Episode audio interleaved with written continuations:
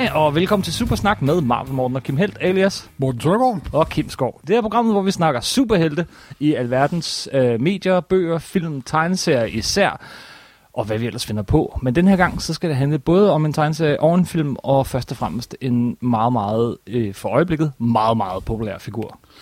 I hvert fald meget omtalt figur. Mm-hmm. Folk kender ikke, kender ikke figuren. Nej. vi skal snakke om Black Panther. Black. Panther. Og øh, vi har lige været i biografen, vi har lige set den. Simpelthen. Øh, og øh, den skal vi snakke om, filmen, hvad vi synes om den. Men lad os starte med, Med- figuren. Ja, figuren. Vi skal tilbage til Fantastic Four nummer 52, ja, 1966. 1966, Fantastisk Forår nummer 52. Der før også var Fantastiske 4 nummer 1 på, på dansk. Hvor den sorte panter dukkede op. Men det Ja. var noget helt andet. Øh, det var første gang, at en sort var blevet superhelt. Og øh, det var Fantastisk Four, der får en gave for en ukendt hersker i Afrikas indre. Og så tager de jo afsted, og så opdager de jo lige pludselig, at verden er blevet vendt på hovedet. Det er jo ikke et primitivt land, de kommer til. Det er jo en teknologisk jumle, hvor de faktisk... Det aller, aller første omtale af Black Panther var han jo, er han skurk, eller er han helt? Mm-hmm. Og han er jo også lidt skurkagtig i starten jo. Han tester jo fantastisk forår og alt muligt. Og Jamen, i virkeligheden så tester han jo sig selv. det, er jo- det er jo netop det, men det er fantastisk forår jo ikke klar over, vel? Nej. Og øh, han har jo bedøvet dem, og han er jo rigtig grov ved dem, og så videre, så videre. Og han tæsker dem jo alle sammen, ikke? Så får de jo styr på ham til sidst, sidst alligevel. Så introduktionen af Black Panther er, at øh, han lemme tæsker og, øh, og, og bagbinder og fanger og udsmarter Fantastic Four Ja. i Fantastic Fours eget blad. Ja, simpelthen. Ej, det sjove er jo, at allerførste gang uh, Black Panther bliver, bliver introduceret for en af Jack Kirby's allerbedste dragtdesign. Den er meget enkelt, men pisseflot. Mm-hmm. Fungerer ved nærmest et grafisk symbol, jo. Det er jo, at det er jo Tarzan på hovedet, så at sige, også? Ja. Og det der med, at de tager til Afrika og finder et, en skjult nation, ikke? det er jo sådan en gammel Ryder Haggard, Kong Salomons miner idé, ikke? hvor de sådan drager til Afrika, og i Afrikas indre finder de noget mystisk og noget fremme, måske. Ja, ja, ja. Og så videre, og så videre. Og her er det en højteknologisk øh, verden, og det Købe har konceptet med fra starten af. Det er ikke noget, der kommer på senere. Mm. Der er en af Købes flotteste paneler, hvor de dukker ned, og pludselig er de i en Købe-teknik, som der Købe-teknik er bedst. Yes. Åh, oh, ja, ja, ja, jeg elsker det simpelthen. Og, øh, og, og det, jeg tror også, at grund til, at Kirby og Stan lige brugte det, fordi uh, midt, det er midt i uh, 60'erne, der var Afrika jo på vej ud af kolonialiseringens skygge, og det var en hård skygge, Aha. må man sige. Det var røverbander fra Vesten, der havde taget Afrika, kan vi roligt kalde det. Og øh, der var mange øh, statsledere, der var ledere med pressen. Øh, Vi kan ikke rigtig sætte min finger på en specielt, men der var en stemning af, at nu var Afrika sig selv. Og øh, Wakanda, som landet jo hed, som Black Panther er leder af, er jo et land, der har selv bestemt over sine råstoffer. Mm-hmm. Og det er jo det. Det handler om råstoffer simpelthen. Ja, og det mest kendte råstof i Wakanda er jo det fiktive metal v- vibranium, som der jo opsuger alle vibrationer. Som, Mhm. mm-hmm. Og de var gode til at bygge raketter af, som en af øh, Red Richards første idéer er. Aha. Fordi så, alle de rystelser, der er, de vil ikke forstyrre banen, så de rammer præcis hver gang. Åh, ja, ja. Der er straks militærteknologisk tanke. Ja, det er det. Og, allerede brugt militærteknologisk. Vi Ja. har jo Captain America's skjold består af, af, af, Nej, nej, nej. vibranium og, Ja, det og adamantium. Hvorfor siger du så nej, nej, nej? Fordi jeg troede, du kun ville sige vibranium. nej, nej, nej. Vibranium og adamantium. Ja, Ej, nu bliver meget nørdet meget hurtigt. For hvad så? Det sjove er jo, at nu har MCU faktisk også rettigheden til adamantium, men jeg tror ikke, de introducerer det. Nej. Nu vil folk blive endnu mere for forvirret. Yes. Nå, men øh, han dukker op i nummer 52 af den første afroamerikanske superhelt, som det hedder nu om dagen. Dengang han kom i 66, så vil jeg, vil jeg jo have sagt, som jeg ung har sagt, neger superhelt. Eller, og i 70'erne vil jeg have sagt sort superhelt. Og Ja, men, øh, nu det siger var- du afroamerikansk Ja, superhelt. ja, men det Og var det også orden. on the nose, ikke? Black Panther. Ja, Black Panther. og det sjove er jo, at folk at de troede, at de havde fået navnet for Black Panther-bevægelsen. Ja. Og det har de nok ikke. Fordi den dukkede op nogle måneder senere, om den så har været omtalt et eller andet sted, hvor de opfangede det, det ved jeg jo ikke. Fordi, Det var en populær serie. Uh, Fantastic Four var en populær serie, Ja. så det er muligt, at de har taget det derfra. Men der er jo også en anden kendt Black Panther. Ja. Og det er en bataljon fra ja, en det, det, verdenskrig. det, op, det vil sige, og så er der også et meget let udtryk at komme på, er dynamisk, aktiv, stærk, mystisk. Mm-hmm. Og en sort panter ser jo pisseflot ud. Men- det ser dyret. Men lad mig lige stoppe dig der, inden vi går videre til nummer 53. øh, øh, hvorfor tror du, at det er, at dels der først dukker en sort superhelt op her, og hvorfor tror du, det er, at, øh, at det er Stan Lee og Jack Kirby, der introducerer ham? Grunden til, at først om der, det er fordi, Amerika er og var et dybt racistisk samfund. Mm-hmm. Og der er det sådan set stadig den dag i dag, og der jo desværre er jo ikke, ikke ser eksempler på det.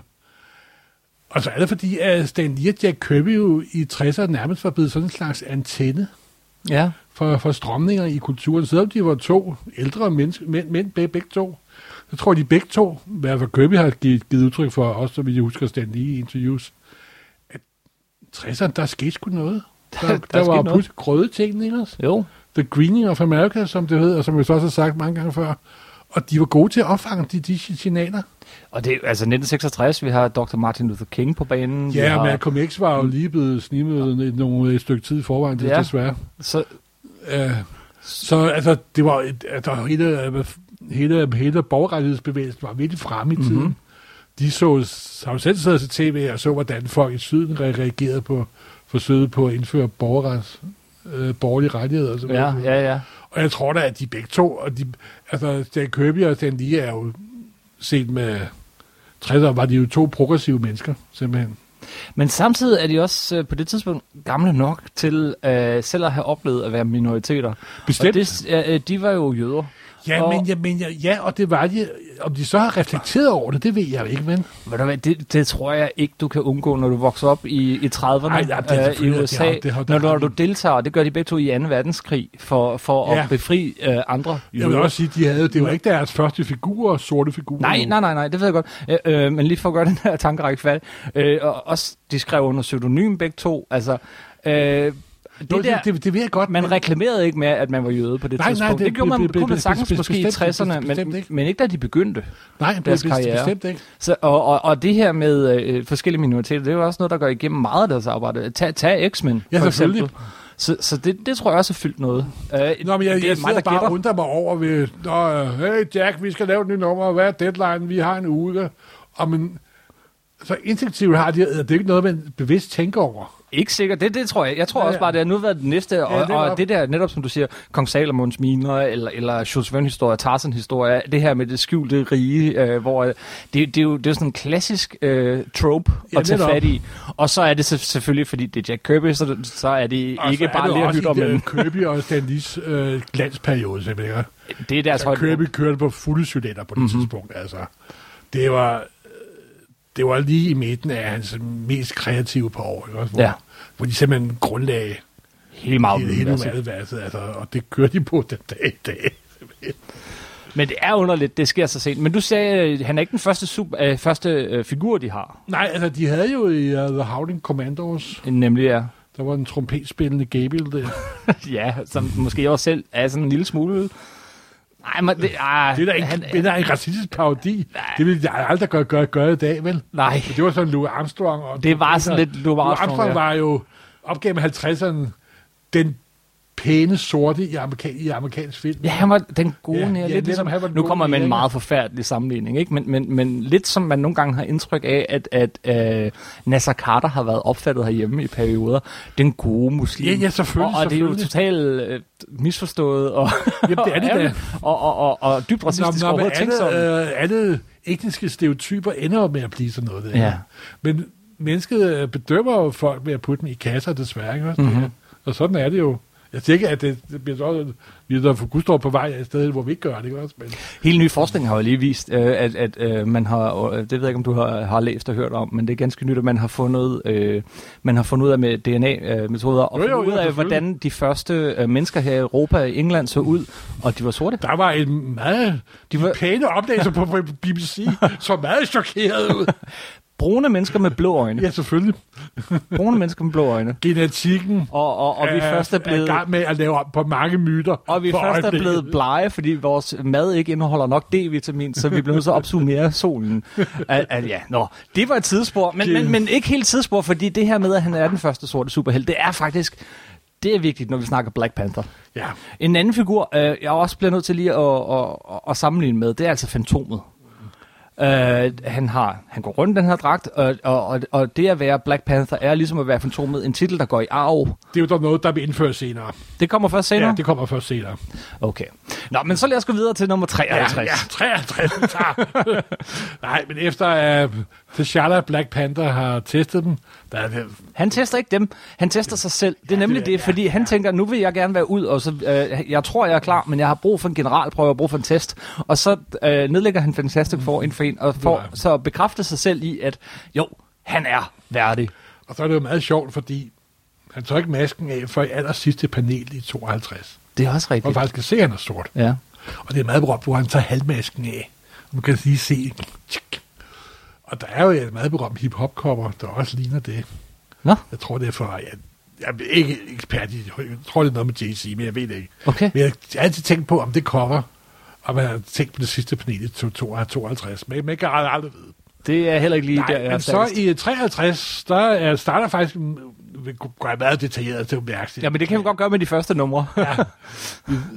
Splashfesten på 53, der er, så er det for inviteret med til rigtig stammefest, sådan med den vestlige Hollywood-opfattelse af, hvad en nære-nation ser ud. Så man har solo var skilter, wow, wow, wow, wow. Men så før de jo hurtigt finde ud af, at der er det der super teknologi inde under, og de sidder på en kæmpe klump af noget, som øh, T'Challa Black Panther kalder vibranium. Og det er første gang, vibranium bliver introduceret i hele Marvel-universet. Finder også ud af, at han er en af verdens rigeste mænd, simpelthen. Der er også et herligt panel, hvor han går og snakker om sin rigdom, hvor der også tænder en smøg. Ja, med sådan en... en Black Panther ryger. Det gør han ikke mere, det siger jeg da. Meget kan man gøre i amerikanske. og ikke bare en smøg, men sådan en, øh, Det er en, en lang, smart. tynd... Ja, ja, ja, ja. øh, Han er sådan en super, han er rigtig playboy-agtig Yes. nemlig. ikke? Han, han ligner faktisk lidt Cassius Clay, synes jeg, som Mhm. mm-hmm. han øh, hed dengang, før han skiftede navn til Muhammad Ali. Nå, men hvor om alting er, så dukker der jo en skurk op, som der har været skyld i det der forældretrauma, som superhelten jo også har. Alle forældre skal have, skal alle superhelte skal have et forældretrauma. Og Claw dukker op, mm-hmm. og The Master of Sound, og så ender det med, at han faktisk bliver lavet til lyd, og det er jo en typisk Marvel-skurk og så videre, så videre. Men hvem er han? Prøv lige at komme på på Cassius Nå, Clay. men, Hvis man kun har set filmen, som vi snakker om om lidt, og spoiler om lidt, så er det nok en lidt anden figur, end den vi ser i filmen. Og dog. Ja, det ved jeg ikke. Han er jo sådan en typisk øh, våbenhandler, skråstreg, forbryder, der røver. Sådan en rigtig... Øh, sådan som de hvide opfører sig i Afrika. Hey, der er med at skud, vi brænder land, land, landsbyen af og stjæler, og stjæler det hele. Johnny Weissmøller og Tarzan Skurk. Simpelthen. Men øh, han hedder Claw, Ja. og, øh, og der er noget med hans arm. Ja, simpelthen. Øh, I den første udgave af, der er T'Challa, der... Han dræber T'Challas far, og så smadrer T'Challa han, hans arm. Mm-hmm. Og så dukker han op mange år senere. Og så han laver de der lyduhyre, som han laver. Ja, han, han bliver til sådan et, et lyd. Ja, det, det, det er faktisk i slutningen af 30. ja, ja, det, det er senere, det er jeg klar over. Men der er Kirby's mest fantastiske monster. Uden en rygt, pludselig går de her vagter for man kan der rundt, og pludselig står der en stor rød elefant op. der er sådan en vidunderlig Kirby, simpelthen. Mm. Det er, som sagt, det er øh, Kirby's allerbedste periode, det er der, altså, det er ganske vidunderligt. Og, Og han- som en lille dreng, der læser som fantastisk for nummer to, der kan jeg tro, det gjorde underværker. Jeg kan godt høre, at du behøver slet ikke... Der er ikke nogen tegneserie foran os. Morten, han kan alle panelerne, uden at de sidder brændt fast på nethinden. ja, det gør det. Ja, men så lad os da gå. Hvad sker der så i, Nej, nej, ellers nej. i nummer 53 Nej, nej, og men- 54? Jamen, 52 og 53 står. Faktisk er T'Challa også med i 54. Ja. Fordi der tager de afsked med Wakanda. Det kan også godt mærke, at Kirby også var blevet glad for den figur og det mm. land der. Pludselig var noget andet, noget sjovt og noget spændende. Og så får jeg han en masse mærkelige gaver til Fantastic Det er rigtigt, ja, de får sådan nogle gaver. Ja, ja, jo Der er sådan en helt uh, ja, ja, Rennes ja, ja, herre-agtig, ja, ja, øh, nu får I en foto for en gavescene. Ja. Johnny Storm, han får sådan en kugle lignende en flyvemaskine, der kan flyve hele jorden rundt, og man før det bliver brugt i næste nummer, hvor de går på opdagelser og ja. så videre. Jamen, det er ganske fantastisk, og Sue Storm får selvfølgelig topmode fra Paris Ja, og, ja, ja. og videre, så videre. Det er ganske, ganske ved, ved, ved, ved, simpelthen. ja. Så, ja.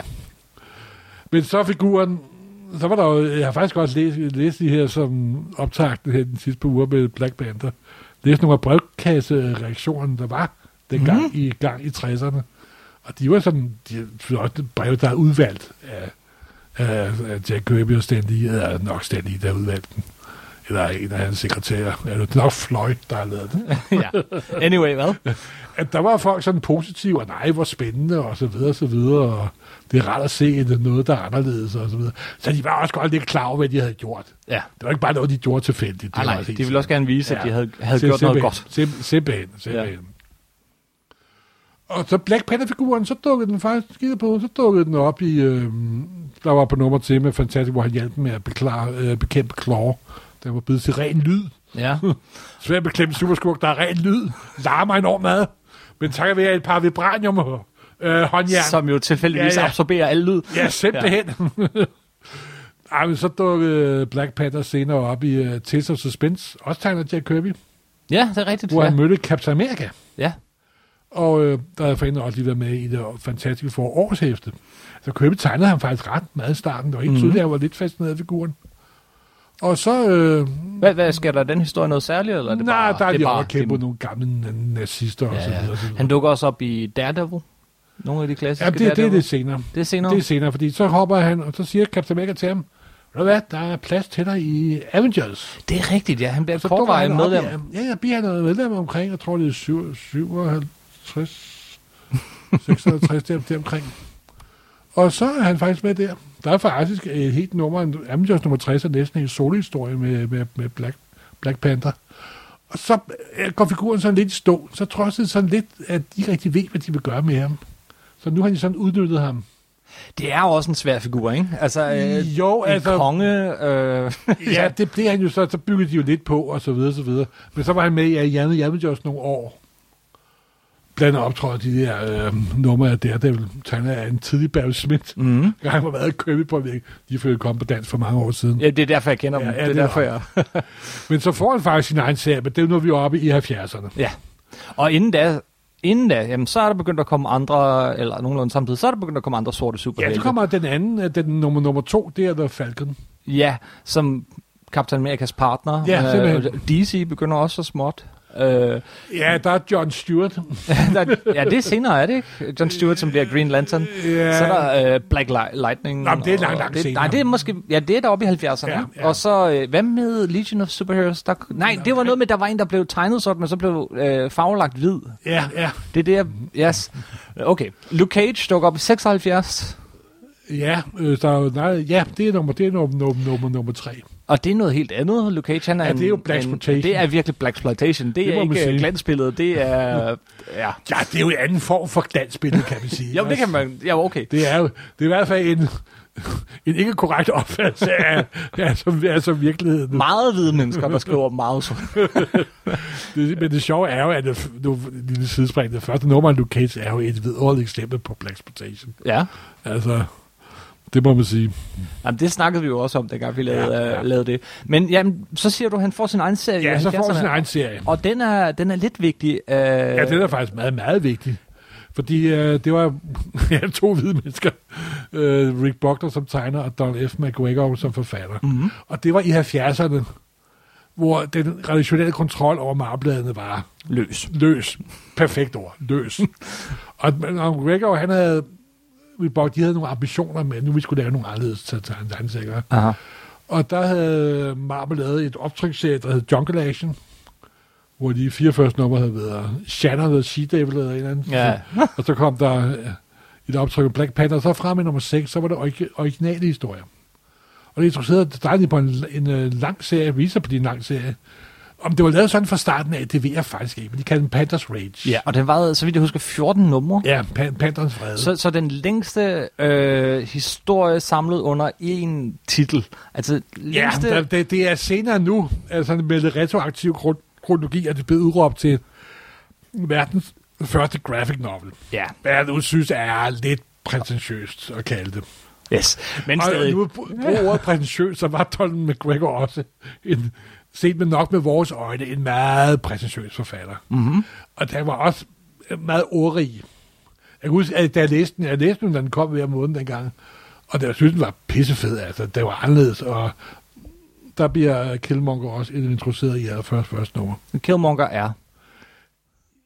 Hvad sagde du? Hvem er Killmonger? Ja, i selve, selve tegneserien. Ja, ikke i filmen, den snakker vi ikke om. Nej, nej, nej, nej. Øh, I tegneserien, hvem er Killmonger?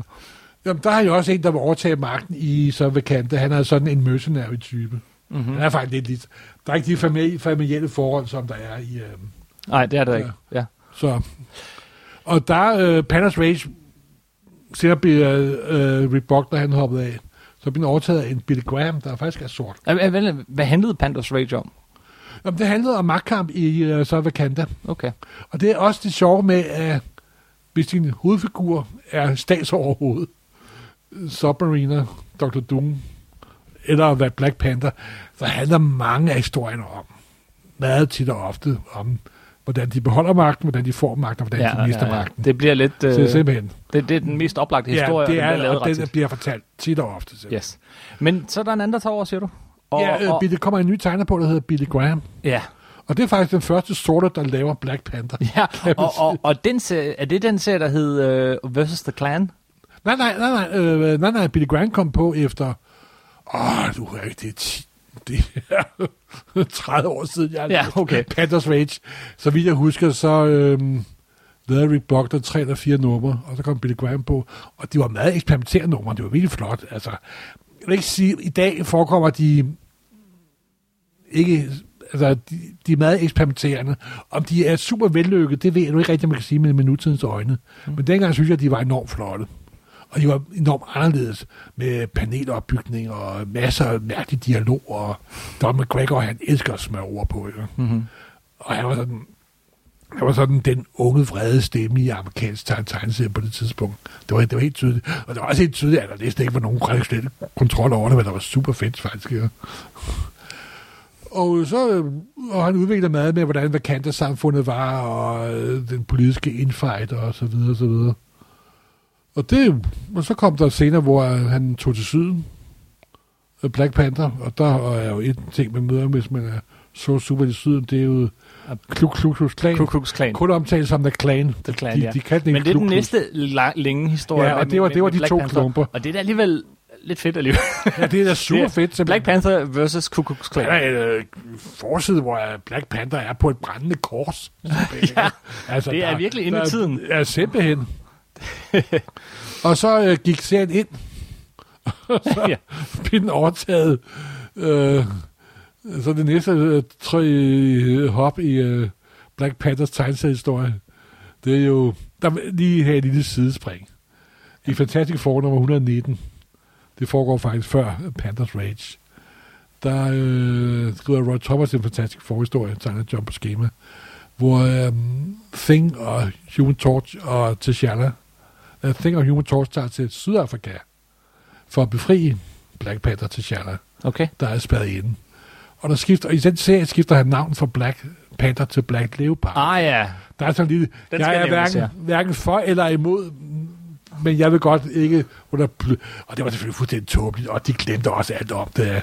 Det er, jeg tror, han, der var sådan en sidebemærkning i et par numre senere i en anden historie, så jeg glemte alt om den tåbelige idé. Ja. Ja. skal Black Panther. Men det var fordi, at Black Panther-bevægelsen, øh, den, det her socialistiske Åh, militante ja, bevægelse, jeg tror det var bare fordi, at... Tror du ikke, det var derfor? Jeg tror, der havde været en redaktør, der har sagt, det, det, det vil vi må hellere passe lidt på. Ikke? Ja. Den værste form for censur i denne verden, det er selvcensur. Hmm. Tro mig. Og så, men, øh, men jamen, det holdt ikke så lang Ja, det er, han- det, og, det er, det er- og det er mere sådan en sjov lille side, sidebemærkning. Mhm. Mm-hmm. Så overtog Jack Kirby-serien igen. Det gjorde han, det var noget af det første, da han kom tilbage, ikke? Ja. Da han kom tilbage fra DC, så fik han Black Panther, Ja, og det og ville det- han egentlig ikke. Nej, nej, og det er også fuldstændig grotesk, fordi det her, det er Jack Kirby's fan, science fiction fantasy for fuld. Aha. Det starter først til, at hedder Kong Salomons frø. Viser sig at være en tidsmaskine. Ja, Og der optræder en alien, der hedder Hash 22. og øh, T'Challa møder sin 10 år fremtidige bror og alt muligt andet. Og en masse plotlinjer, som, alle- som alle har glemt alt om, og aldrig vil blive gentaget ever, simpelthen. ja men han, han havde slet ikke lyst til den serie, men han, han hoppede fra den også ret hurtigt. Altså, men det var den, han blev sat på, da han vendte tilbage. Ja, det Eller var en af dem. 13-14 nummer, så det, Kirby er jo Kirby. Ja, ja, ja. Kirby er Kirby. Og hvad så? Så skal vi, skal vi så ikke et pænt stykke op i tiden? Jo, øh, så går figuren lidt i mølposen. Mhm. Og det er også lidt et problem med selve figuren, fordi der er nogle tegneseriefigurer, de fungerer bedre som gæstestjerner og bifigurer, end som at have sit eget blad. og Black Panther har lidt af det, faktisk. Ja. Så synes jeg. Black Panther er lidt øh, for Marvel-universet, øh, lidt samme som Dr. Doom og, og, og Fyrst Namor, at, at, at det er godt, de er der. De er med Ja. til at definere hele det her univers. Du ved, at du har nogle, nogle magtcentre øh, i, i havet og i, og i Afrika og i, øh, hvad hedder det, Østeuropa. Øh, Det balkaniserede Østeuropa. Så, så det er sådan... Det, det, det er bare, det, det er med til at gøre, det, det er med til at give hele Marvel-universet sin, sin, sin øh, følelse, eller Ja. hvad man siger, men, men, men nej, det, det er, jeg tror også, det er en svær figur at lave en lang, lang, lang fortsat serie med, men man kan have Ja, men så kom der idé. jo øh, det nye forsøg. Er du helt oppe ved Christopher Priest Ja. nu? Så vi er næsten, vi, du hopper næsten 40 år frem i tiden nu. Ah, nej, nej, nej, nej, 40 år, hold nu op. 30? Priest er der fra, fra 90'erne. Er det det? Jeg tror, det var 2000. Okay. Nå, Er det ikke? Nej, det er fra 90'erne, er det ikke? 90'erne eller 2000'erne, det kan jeg ikke huske. Ja, der kommer hvert fald den Christopher Priest, og der kan man sige, der Det er forfatteren, skal lige sige. Ja, han hedder Christopher Priest, forfatteren. Og den, han har skrevet Black Panther i meget lang tid, og mm. han er nok den, der har sat sit største fingeraftryk på den, kan man sige. Og hvad var det, han gjorde? Ja, han lavede den jo om til, øh, hvad hedder han nu, øh, der kom Black, Black Exploitation ind. Nå, Black Panther flyttede til New York, simpelthen. ja, han flyttede til New York. Og der, det var jo... Øh,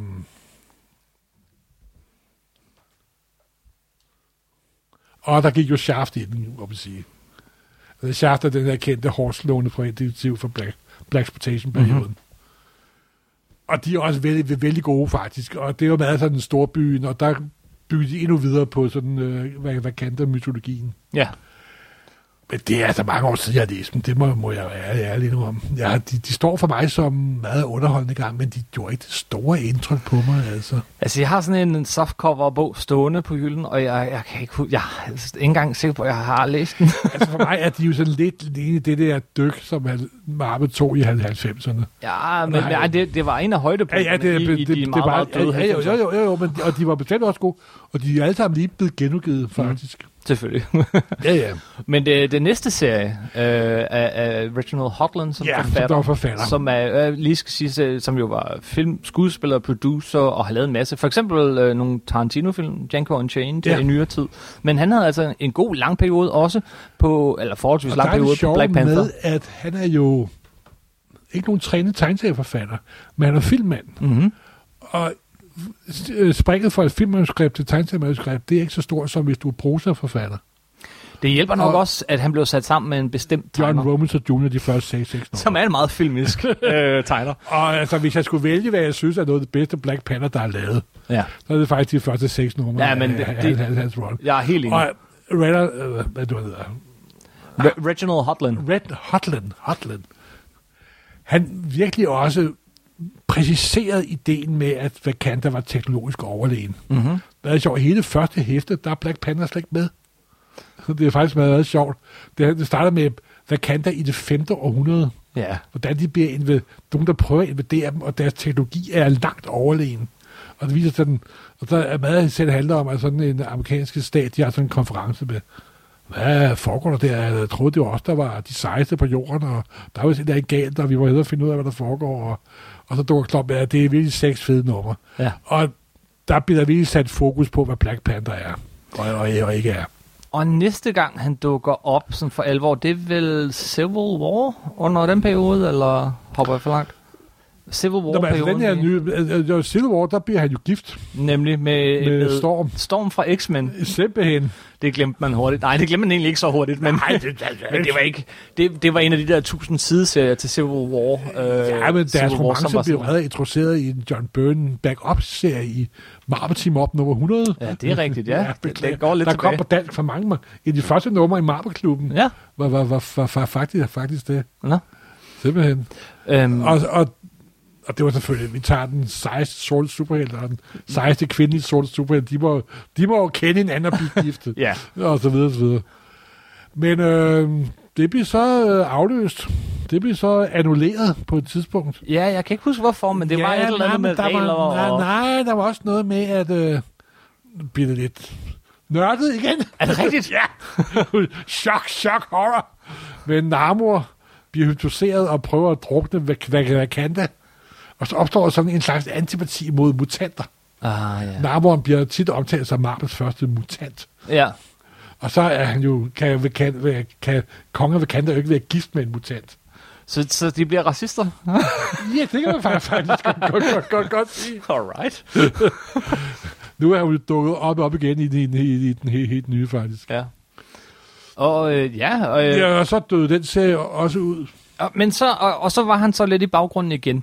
Men så gør Brian Michael Bendis, forfatteren på øh, alt Marvel, i lang tid i hvert fald, øh, øh, øh, på Avengers, og, og den mand, der er i høj grad er med til at, at give Marvel-universet nyt liv op igennem 2000'erne, han hiver ham ind i øh, en hemmelig gruppe, som så altid har eksisteret, nemlig The Illuminati. Illuminati. Ikke altid har eksisteret siden The, the Crazy Skull War. Kree, ja, siden Kree Skull War, som består ja. af, af de mægtigste og klogeste i hele Marvel-universet. Ja. Ja. Og det er selvfølgelig Reed Richards og Dr. Strange, Professor Xavier og, og nogle af den slags. Men der bliver det også slået fast med syvtommer søm, at Ja, ja, det er ja. også Ja. T'Challa, kongen af Wakanda. Fordi ikke alene er T'Challa jo super, super, super rig. Han er også Og super, super- super, super, super smart. Han er også super intelligent, nemlig. Mm. Han er, det er ikke på øh, niveau med, med Red Richard, men Det er deroppe det, af. det er deroppe af. Det er sådan lidt på Harry Pym, Tony Stark-niveauet, ikke? Yes. Så han er virkelig sej, altså, ikke også? Så selvom man ikke har sin serie der, så begynder han dog at fylde noget i baggrunden af fordi, og så Marvel-universet. også, da, da Hickman kører Avengers. Der vil, ja, noget, videre. nogle år senere, så, Ja. ja. så øh, da, da Jonathan og, Hickman og det er overtager, faktisk den øh, periode, hvor jeg synes, at han, han fungerer bedst. Det, er i, i nyere, det er faktisk måske noget af det bedste Black Panther. Det er i virkeligheden fra, fra, fra uh, Jonathan Hickmans Avengers Run, hvor han kommer til at fylde utrolig meget Ja. i hele den her optakt. Uh, Hvor han viser virkelig, at han har styr på situationen, han kan tage moralske, etiske øh, problematikker op, og han er bare super sej. og så har han beef kørende med, med Namor igennem, Ja, ja, hele vejen igennem, Ja, ja, ja, og, og den, den, den er ligesom nærmest omdrejningspunktet for Ja. en stor del af Nå, alt, hvad der altså, går det galt er- i den serie. Faktisk en skide god Black Panther-serie. Ja, det er sjovt, og sådan har jeg ikke tænkt på den før nu. Men det er faktisk øh, lidt en Black Panther-serie. Jamen, der træder han virkelig i fri for forgrund der, men det er også fordi, at øh, det er også de bedste run, der har været i Marvel i mange Ja, år, det er det. det. Det kan vi komme ind på en anden. Jamen, det har vi gjort. Vi har allerede snakket om Nå, nå, Jonathan okay. Okay. Har du glemt det? Nej, men så øh, skete der jo den sidste store ting med Black Panther, sådan rent kreativt. Mm.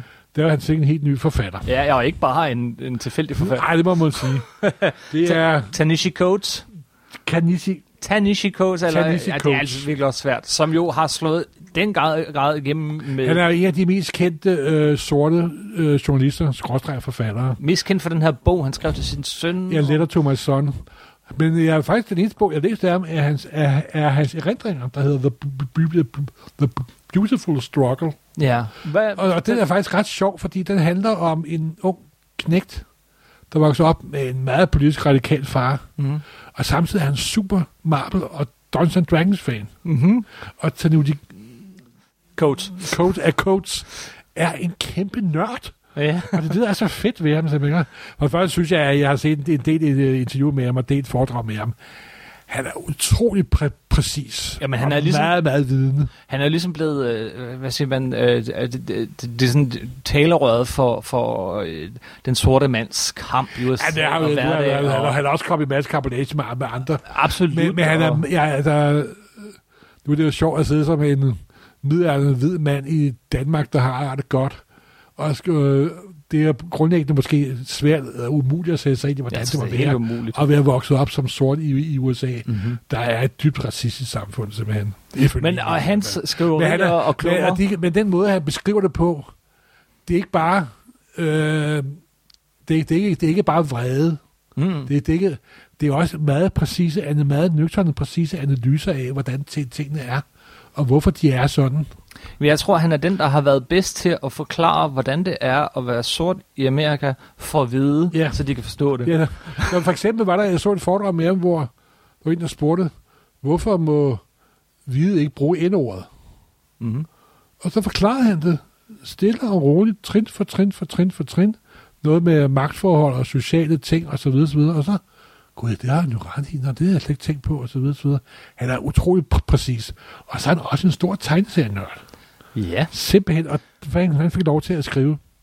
Marvel spurgte, har ikke lyst til at skrive Black Panther? Han sagde ja med det samme. Simpelthen. Ja. simpelthen. Og det sjove er, at han er prosaforfatter, og han er journalist. Og nu har jeg, jeg har læst de første 12 numre. Ja, jeg har læst de første seks. Og de er ok, Men så bedre er det heller ikke, fordi det er helt tydeligt, at han kæmper lidt med at være tegneserieforfatter, nemlig. I hvert fald i starten, det, det er lidt, øh, den begynder, altså, der- er ikke rigtig noget, der sådan griber dig, den, og den, den Det er helt, I starten, det er næsten som, han er mere optaget af at vise, at han har læst samtlige, band, så er sjovt. Black Panther-historier. For der er referencer til alt simpelthen. Yes. Der er ingen, der skulle sige, at han ikke er fan af. Og det, altså, den bliver bedre i de 12 numre, synes jeg. Men det er meget tydeligt, at øh, han, han famler lidt med at bruge tegneserier i årene. Men øh, Dialogen er, blevet meget koncentreret. Ja, jeg synes, den er blevet noget bedre. Men jeg synes, at Harlan, Øh, ja, øh, Hotland? Hotland, ikke Harlan, Hotland, Ja, har meget bedre styr på at skrive tegneserier. Men det er også fordi, at han er filmmand, og han Men er vant til at skrive filmmandsmanuskripter. måske det, det Han er med at vise visuelt sine tanker. Og jeg har først set det med, med prosaforfattere, mm, der skal være tegneserieforfattere. De har svært ved det, fordi det, du kan ikke bare lige hoppe fra det ene til det andet. Tegneserier er jo ikke dialog med, med billeder. Det er Nej. ikke billeder med dialog. Det er, noget, et, det er en, et sit eget selvstændigt medie. det er fuldstændig rigtigt. Og, og det er sådan set meget sjovt at se ham kæmpe lidt, lidt, lidt med det. Men til gengæld så har han jo enorm viden omkring sort kultur, både i Amerika og også Afrika, og det bringer han jo ind i serien. Mm-hmm. Og det er super, super, super fedt. Det er Simpelthen. sjovt. Ja, øh, ja. Hov, Morten, vi har snakket længe. Jeg Ja, lige sorry. uret. Men vi har jo også, nu tror jeg, vi har været rimelig godt omkring tegneseriefiguren. Øh, Ja. Skal vi ikke hoppe over til filmen? Jo, Og øh, når vi har snakket om filmen, så tror jeg, at vi vil lige lægge et klip ind fra Radio 24 øh, hvor jeg var inde den anden dag og Okay, snakke okay. om øh, Black Panther. Der bliver lidt gentagelse af det, vi har siddet og sagt nu. men, umuligt. øh, umuligt, men øh, fordi vi har været ret grundige, men øh, det tænkte jeg kunne være meget sjovt. Jamen, måske lige det er bare... Også fordi at det, det er mindre nørdet, end når vi snakker. Hvad? Så det, ja, utroligt nok. øhm, men, det er øh, til karnikeret, eller men vi, før vi hopper til det, og så til allersidst, så skal vi lige øh, Nej. omkring... Nej, bare rolig. Øh, for jeg har glemt den liste. Nå, det er godt. Men, øh, ja, måske. måske. Nej. Det havde jeg slet ikke tænkt på. Nej, det vil jeg ikke. Nu, nu er du mindet mig om det. Nå, okay. Øh, nej, øh, så skal vi lige, øh, hvad hedder det, så tror jeg, vi skal lige samle en lille liste af tre eller fem øh, øh, Black Panther-historier, man bare bør læse, når man har set filmen. Jamen, så mange er Men- der jo ikke at vælge med. Men vi tager dem til sidst Ja. alligevel. Det er en god måde at slutte af på, men der er lang vej nu, før vi er færdige, for nu skal vi snakke om filmen. Ja. Hvad synes du? Ja, filmen er ok. Ej, i går sagde du... Ja, det ved jeg godt, men der, nu har jeg der er fået- rulletekster, der Ja, kørt ja, forbi, jeg ved det sagde godt. du. Det er en af de fem bedste marvel Ja, men nu har jeg fået tid til at tænke lidt, lidt over det. ja. Og der er nogle ting, jeg synes er super fede. Mm. Det er spoiler, lige vil lige sige. Nu er det totalt spoiler. To- Der er total spoiler. Starten, i, uh, faktisk den første indledende sekvens, der er animeret, der forklarer, hvorfor Wakanda er, som det er. Ja, Det er pissegodt. ja sådan lidt Det er. Disney-filmagtigt. Ja, det er pissegodt, og de får lige forklarer de, de fem stammer, og det hele virkelig lækkert. Ja. Så er der klip til 92, hvor grundlaget til hele historien bliver lagt både skurk og helt. Hvilket er super fedt. Og, Virkelig, og, virkelig godt. og det er sjovt, at de jo bruger en del af, af Black Panthers baggrundshistorie for tegneserien på skurken. Ja, ja, øh, virkelig, virkelig godt.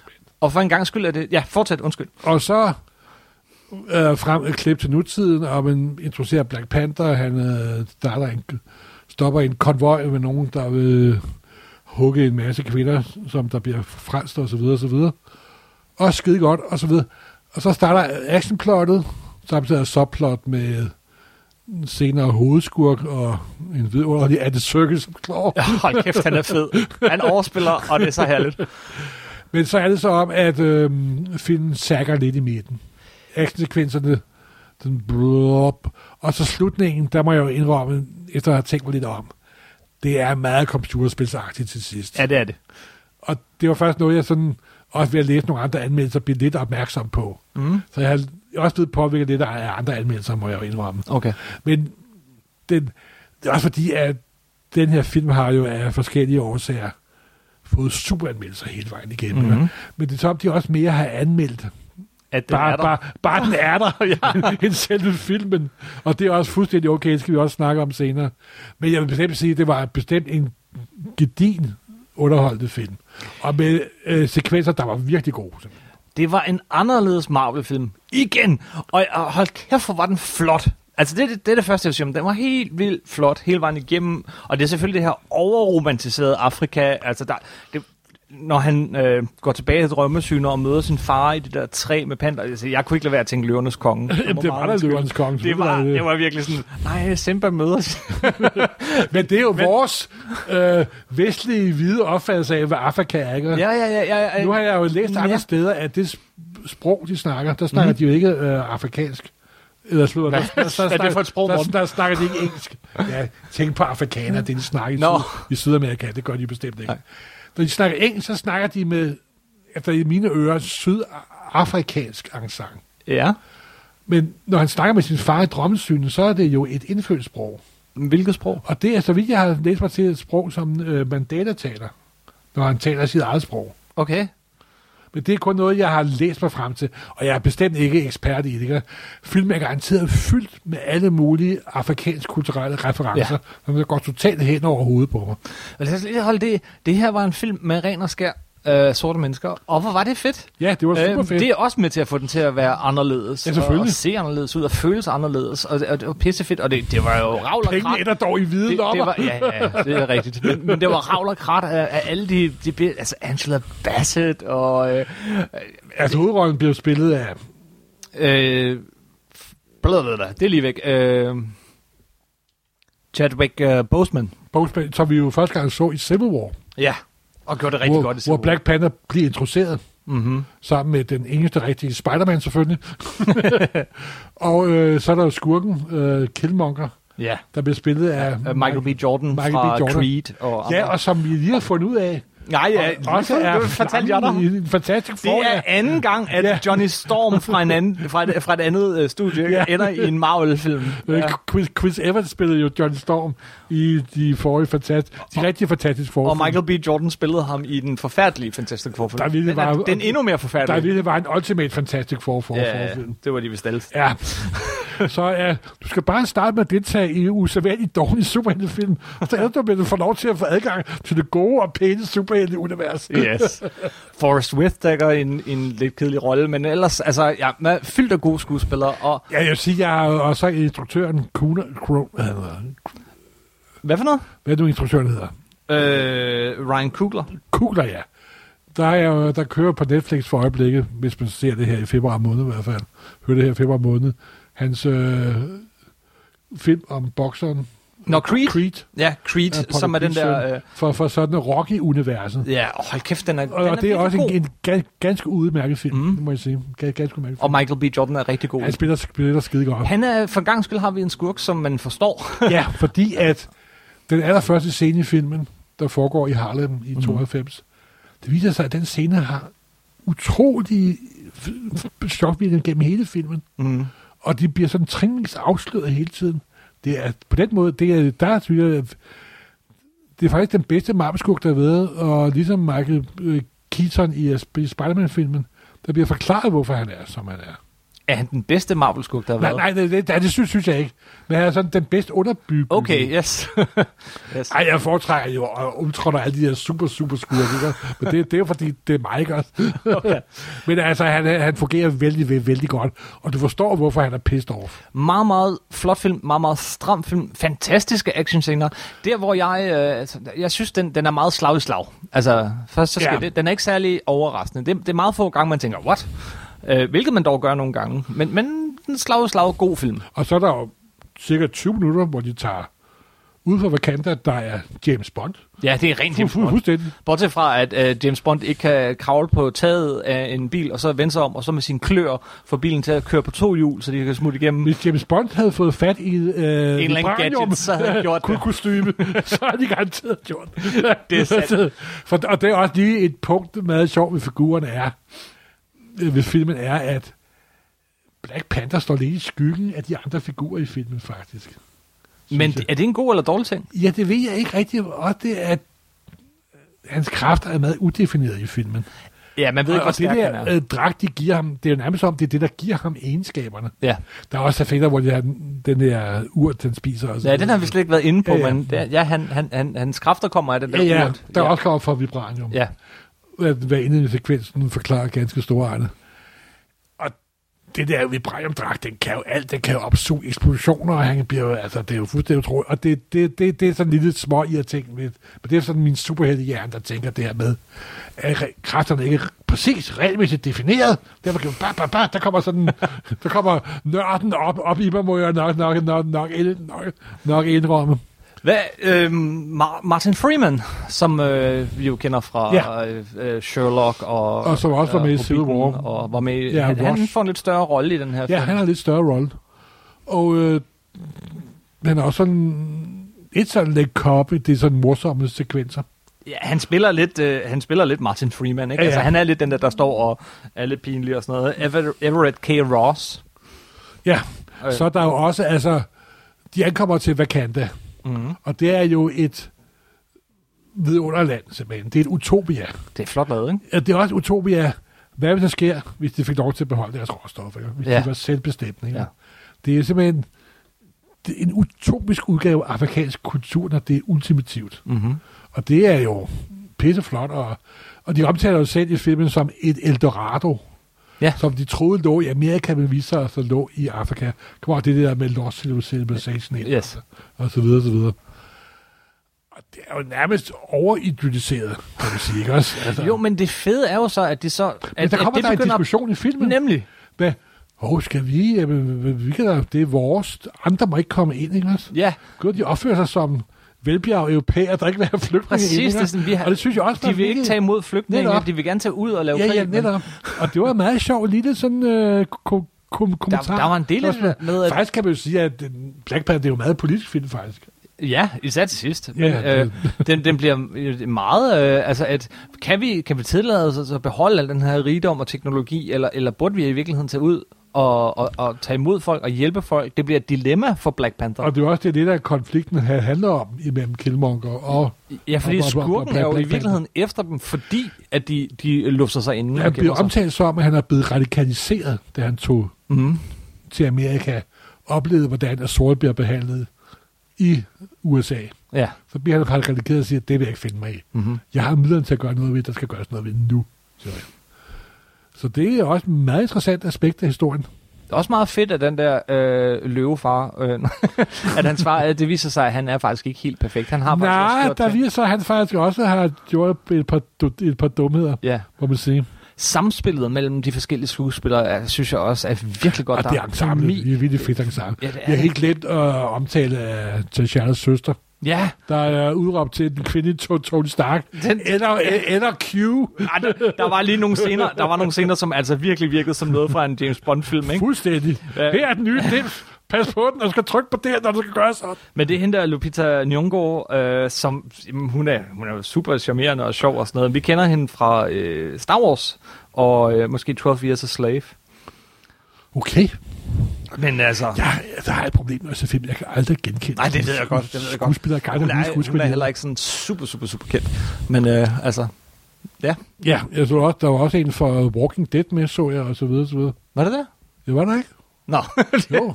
så, For det, det, vi skal ikke sidde her og like Nej, altså, nej, T'Challa har jo også den her bodyguard-gruppe af superkvindelige ja. Amazoner. Yes. Og der har de jo lavet lidt op i forhold til tegneserien. Ja. For i tegneserien bliver det antydet, at, han, den, at de også er potentielle koner. Okay.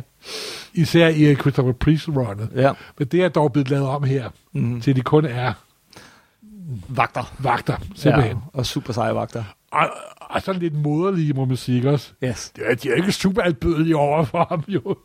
De ligger op til til sidst, at, at, øh, at øh, de her... Altså, tronen bliver for, for en periode overtaget af skurken. Ja. Michael B. Jordans skurk, der Killmonger. Og så vil de sende øh, øh, våben og alt muligt ud i alverden.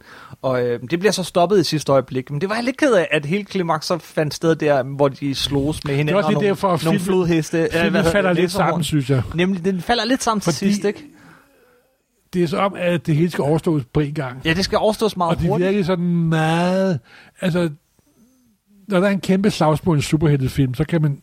For eksempel i Civil War, Mm. der er det slagskom, slagsmål i og med lufthavnen. Ja. Der er virkelig flot og virkelig gennemført. Mm-hmm. Her vil jeg ønske, at de havde brugt det mere tid på at få struktureret det, det endelige slag, så at Lidt, sige. lidt bedre. Ja, det er op, det forekom. Men det er måske spørgsmål, om de også har lige så meget tid og ressourcer. som den anden. Ikke? Ved det ikke, men... Øh, er det for, ligesom... for, jeg ved, for det er også det sjove med Marvel og øh, hele Marvel-studiets produktion, MCU-universet og Kevin Feige, jeg ved, øh, læser artikler, at de er ikke det mest østlige studie på den jord. Mm-hmm. De er sådan ret præci- øh, økonomisk øh, og præcise og østler ikke med tingene. Og det er også det, at de tager unge talenter. Den, øh, den forrige Thor-film. Ja. Også da Rousseau-brødrene første gang lavede øh, hvad hedder det, øh, Winter Soldier. Mm-hmm. Også totalt uprøvet, ikke lavet film før, og så videre. Ja, kom, kom fra tv. De tager unge, ta- virkelig kreativt den, og putter ind i Marvel-maskinen. Mm. Og så bruger de den kreativitet til at styre Marvel-maskinen og lave forskellige film. Men det er grundlæggende en Marvel-film, ikke? Yes. Og den overordnede instruktør på alle filmene, det er jo Kevin Feige, som Yes. yes. siger. Men de er også Og gode til at men, lave... men, men, men, de styrer det virkelig, virkelig godt. Det er også derfor, jeg tit, og folk har sikkert hørt det 10 gange før, men for mig var det her afsnit 18 i den her kæmpe tv-serie, Yes. der hedder Marvel-universet. Men det, er, det der med, at de har de her forskellige instruktører med for, øh, forskellige stil, det er også med til at få de forskellige øh, øh, film til at, at virke øh, som sig selv, som, som Fuld- sine egne. Fu- fuldstændig. De Ja. Virkelig, gode til det. Jeg var også lidt glad for, efter at have set uh, først Guardians of the Galaxy 2, og så 2 og 3, at, at, at, at, at det her ikke var en ren komedie. Nej, det var Fordi det. at, at, men der var Marvel mange, hu- mange humoristiske scener i Åh, oh, men det var ikke sådan helt vildt. Altså, Ej, der, der, var, der, hvor, det var hendes, langt mere hvor hendes alvorligt. bil bliver smadret, og hun sidder tilbage ja. i sædet der, for eksempel. Der var nogle sjove, og det, Ja. og det skal der også være Ja, ja, ja. Om det er det, de er gode til. De er gode lige til at fyre en lille joke af. Ja, ja. Men ikke hele tiden. nej, nej, nej, nej, det er okay. nej, men altså, Dejligt i Thor, men det, var, det var også lidt lige den er tæt på øh, camp. krydret perfekt. Ja, Simpelthen. så nu, så, så hvor ender vi? Altså, er, er det en, du sagde, det er en OK-film. Jeg synes, det er... Åh, jeg synes, det er... Åh, du er at- nu er der jo kommet... Det var nummer 18 Marvel Universe Ja, ja. det her. Og det er bestemt en bedre halvdel. Det er helt 100% sikkert. Ja, bedre halvdel i hvert fald. Ja, ja, men altså for mig at se lige siden den første Captain America-film er frem, så har jeg ikke rigtig været nogen, som jeg synes var til stedet dårlige.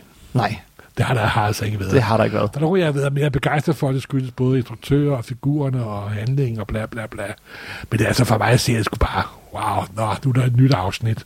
Simpelthen, som Nyt afsnit, men jeg synes også, den var så anderledes. Øh, Og det var virkelig, altså, jeg er jo ikke i stand til at fornemme anderledes. Tænk, hvis jeg var, for mig at se, jeg har jo altid, når man, der er en Hollywood-plakat, der er en Hollywood-film, selvfølgelig er det en masse af hvide, af hvide mennesker, der er med. Jeg, Ja. tænker, jeg tænker ikke over det, vel? Nej, nej. Men, men tænk at være sort i USA, Men det er ikke og kun... pludselig, og pludselig se en film, hvor der kun er bare sort i. Det må være fantastisk, simpelthen. Ja, og det er virkelig underligt, at, at det ikke er sket før nu. Det er virkelig, virkelig underligt. Lidt ligesom... Jamen, Øh, hvis Hollywood er jo, de kan godt lide at fremstå som progressive. Men det er de bare ikke. det er de altså ikke, fordi det er the almighty dollar, ikke? Men det er sjovt, fordi at det, nu her sidste år var det Wonder Woman, den første kvindelige superhelt med et ordentligt budget. Uden at sige, På- det er jo ikke på den første øh, s- superheltefilm med en sort... Nej, nej, men nej overhovedet ikke. Det er Det, nummer det siger jeg ikke. 6, 6 og 7, det her. Men det er første gang, de pumper så mange det er penge. første gang, det er gået ind og blevet en major blockbuster. Ja, og det er første gang, de har pumpet så mange Ja, penge, penge i det. Og det er også første gang, kommer til at tjene så mange penge. Yes. Med 180 millioner dollar i forsalg. Ja, ja, Altså, det er, det, det, Det, man skulle tro, at det er, at, at, at, at altså det er sådan, ja, hvorfor har de ikke gjort det før? nu, ja, fordi de jo... De tør ikke. De tør ikke, men er altid bange. Mm. Men når retningen først er opstået, ikke? så skulle du bare sige, det kommer Nu kommer der, Ja, nu kommer der flere, ja. Men det, og det bliver sikkert ikke lige så stort som første gang. så selvfølgelig gør det ikke. Selvfølgelig gør det ikke det. Men det er jo nu heller ikke kun det, jeg tænker på, der gør den anderledes. Det er sådan set også, øh, øh, at jo, det er stedet, den foregår, som er, og det er jo dejligt, at man kan finde et, En helt positiv Afrika-historie, i Yes. stedet for en negativ Afrika-historie. Ja. Men også T'Challa her, hovedpersonen, han er, han er, altså, du kan sige, Dr. Strange og, øh, og hvad hedder han, Iron Man, Rob Downey Jr., det er sådan to sider af samme mønt næsten. Øh, mange figurerne er ret ens. Ham her, det, det, er en- han er anderledes. Altså, han, han er sin egen, synes jeg. Jo, Og, og du siger, ja, Og- og- og fadertrauma, han er- men det er jo ikke, øh, fordi han er su- helt ødelagt defineret, det der fadertrauma, at han, men altså, det er alle superhelte. nej, og han er også en figur, som der ikke er ude på at være gode venner med folk, kan man Mhm. mm-hmm. sige. Det, det er det faktisk. Og han har øh, et, et helt andet og større ansvar på Ja, nogle måder, ja, som, ja. som leder af en nation. Det, det, jeg synes, øh, en anden smagsvariant af Marvel-universet. fik Ja, det må man bestemt sige. Og så er altså det der med uh, ja, det afrikanske Wonderland der simpelthen. Ja. Ja. Vi, Uh, ut- uh, Utopia. en, en ting, vi slet ikke har talt om, men det er også, vi plejer ikke at gå så meget i detaljer med det, men det er selvfølgelig soundtracket af Kendrick Lamar. Ja, der er, der er totalt, altså min, min musikører, det er, er ikke det, det bedste Jeg, for din jeg krop. tror, Kendrick Lamar, kan man sige, er lidt for rapmusikken, hvad Tennessee Coates er for øh, øh, finkulturen. Oh, okay, okay, okay. Øh, også virkelig sådan en stemme for, øh, for, for, for folk. Og sådan en, øh, og en kunstner, som, som ikke går ud og gør det kommercielle, men ikke går ud og gør det, han tjener flest penge på, men gør det, hvor han mener, at han har mest øh, at få sagt og blive lyttet til, og han gør noget anderledes og uventet. Og derfor det synes jeg også er med til at understrege, hvor vigtig den her film har været for rigtig mange afroamerikanske øh, mennesker som kultur. Altså at, at de virkelig har, Kendrick Lamar også har set en vigtighed i den her film. Øh, og så er det fedt, men også lidt irriterende nogle gange. Fordi at hver eneste gang i filmen, der er noget musik i baggrunden, så er det Kendrick Lamar. og det er sådan lidt, jamen, de kan da ikke både høre, høre ham på diskoteket derovre, og et, det, alle steder. hvad, Jeg lader slet ikke mærke til det, jeg ser film. Er det rigtigt? Jeg synes, synes, det er, jamen, jeg er, det jeg vil ikke sige, at jeg er tonedøv, men jeg er tæt på, så Nej. jeg er. det, og er, det ikke, er det første gang siden øh, Prince lavede soundtracket til Batman, at vi har haft sådan en kunstner på til at lave hele, hele filmens lyd? Øh, Jeg er sikker på, at det ikke er tilfældet, men jeg har ikke tanke om at sige noget andet. Nej, nej, men øh, be, i begge de film, så, så er det fedt, men det hører mig også lidt ud af det, at det er den samme kunstner, de hører alle steder, hver gang der er Jeg musik. skiller det ikke en tanke. Men udover det, så synes jeg også, musik, altså soundtracket, øh, altså øh, scoren, musikken, Ja. ja. altså det som ikke var Kendrick Lamar, men, men, men andet, det var også, det, det var virkelig godt. Altså det er der flere Marvel-film, der har haft et godt score. Øh, øh, men, men nej, det var en, lydmæssigt var det en rigtig flot film. Det er... Du, du er helt, du er slet ikke, Jeg ved hvad... øh, vi, vi, vi må snakke tegn. under- Under underlægsmusik og sådan noget, det, er sådan, jeg ved ikke, ja, det, det er beklager, det er sp- spildt ord på, på ball, ball Lars. Det, det er det altså. Okay. Og også du, øh, og kostymedesignet i den var før også fuldstændig, altså, der fik jo Det var flot. armen. Ja, virkelig hele armen. Flot. Altså, jeg vil at den havde været lidt mere stram i sin øh, dy- dynamik. Men- Ja, der var men- hen mod, hen mod sidste tredjedel, så begyndte jeg at tænke, er den ikke snart slut? Hvorfor begynder de på et helt nyt plot nu med, at de skal invadere andre lande? Ja, er det ja, ikke snart slut? Jo, netop. Jamen, det var... Øh, det, det, det var sjovt, at den haltede lige præcis på det punkt, men sådan er det. Der var også lige, mm, da Killmonger mm, smider til Shala ud over vand, vand, vandfaldet. Ja. Det er taget direkte fra, fra Pan Anders Rage, Mm-hmm. så videre, så videre. Men det sjove er, at filmen er gået hen og blevet et kulturelt fænomen, Mm-hmm. og det er ikke blevet en film. Nej, men allerede Og før folk har set den. Ja, netop. Og det, det er enormt sjovt at se. Så noget ske for øjnene af en, simpelthen. Ikke? Mm-hmm. Og det har selvfølgelig også noget at gøre med det politiske klima i USA for, for tiden. Mm-hmm. Black Lives Matter og alle de andre, andre bevægelser, der har været. Og det er virkelig sjovt at se, hvordan den her film har fremt fuldstændig 100 procent plet lige ned i den kulturelle zeitgeist, simpelthen. Ikke? Altså, det er jo helt vildt, simpelthen. Ikke? Det er helt vildt. Og, ja, og du, det, vi sidder og snakker i den weekend, hvor den er premiere i, i, i USA, ikke? Ja, og jeg glæder mig meget til at se, hvad... reaktionen bliver. Ja, reaktionen bliver selvfølgelig millioner af dollar, millioner af Ja, ja, dollar, ja, ja. bla bla bla bla. Men det bliver sjovt at se, hvordan reaktionerne er om et halvt år og et, og et helt år og så videre, og så videre. Det må jeg, må jeg sige. Ja, men altså igen, sammenligningen med Wonder Woman, synes jeg ikke er, er helt tosset. Altså, jeg, det, det er ligesom om, at, øh, at der sker et, et nybrud, og, og det er et meget, meget, meget tiltrængt og oplagt nybrud. uh, så forhåbentlig ser vi flere kvindelige superhelte og flere sorte. Du ved, at det er Black Panther og MeToo-bevægelsen, de to vigtigste ting, der sker i Hollywood- de sidste, sidste halve år. Hold op, Morten. Jeg havde, vi har virkelig Og jeg snakket vil lige længe. sige en, en ting til. Ja.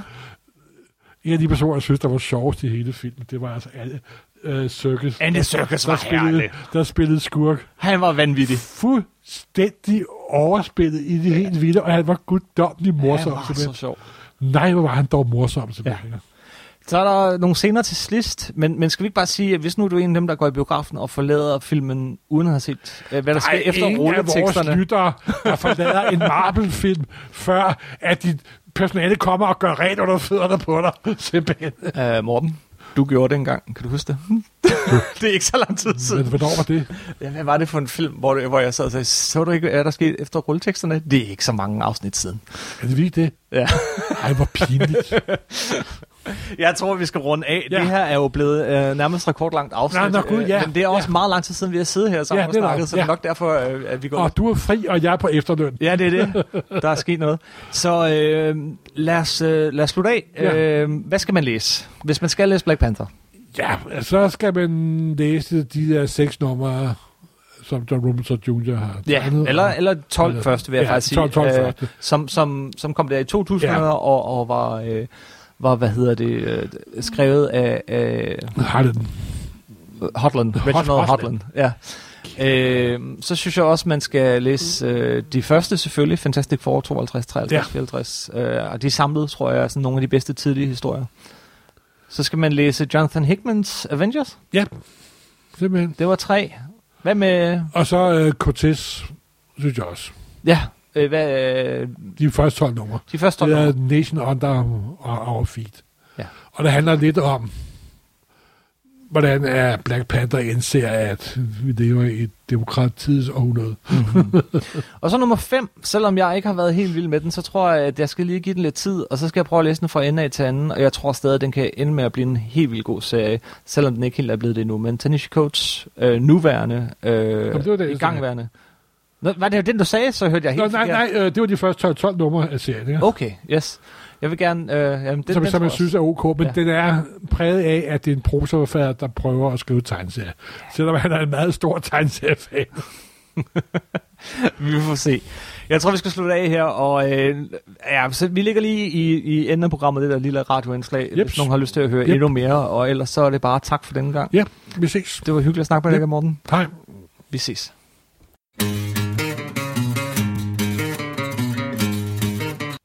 Og det første, jeg bliver spurgt om her i radioprogrammet, lige der, hvor indslaget begynder, det er, hvornår dukkede Black Panther op første gang?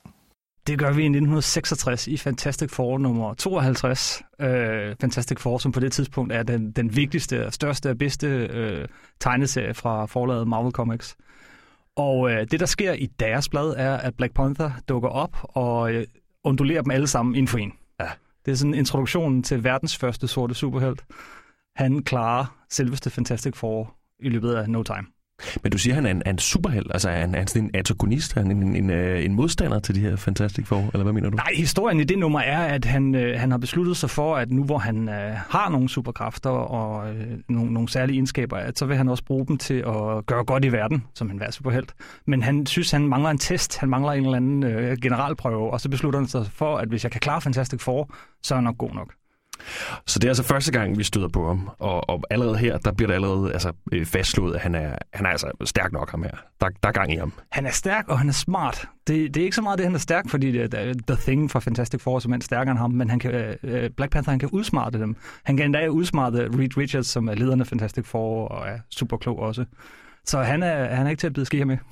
Og hvad får vi at vide om ham her øh, til at starte med? Altså, hvor, hvor er han fra, og hvad er hans baggrundshistorie? Jamen, det viser sig, at han er konge i det her, øh, den her øh, lidt hemmelige afrikanske nation, Wakanda, som er, er ganske unik, fordi at det er en, en afrikansk nation, som aldrig er blevet koloniseret, aldrig er blevet invaderet. Og det viser sig, at øh, de faktisk har et øh, niveau af, af, af videnskab og teknologi, som er langt større end noget på, på jorden.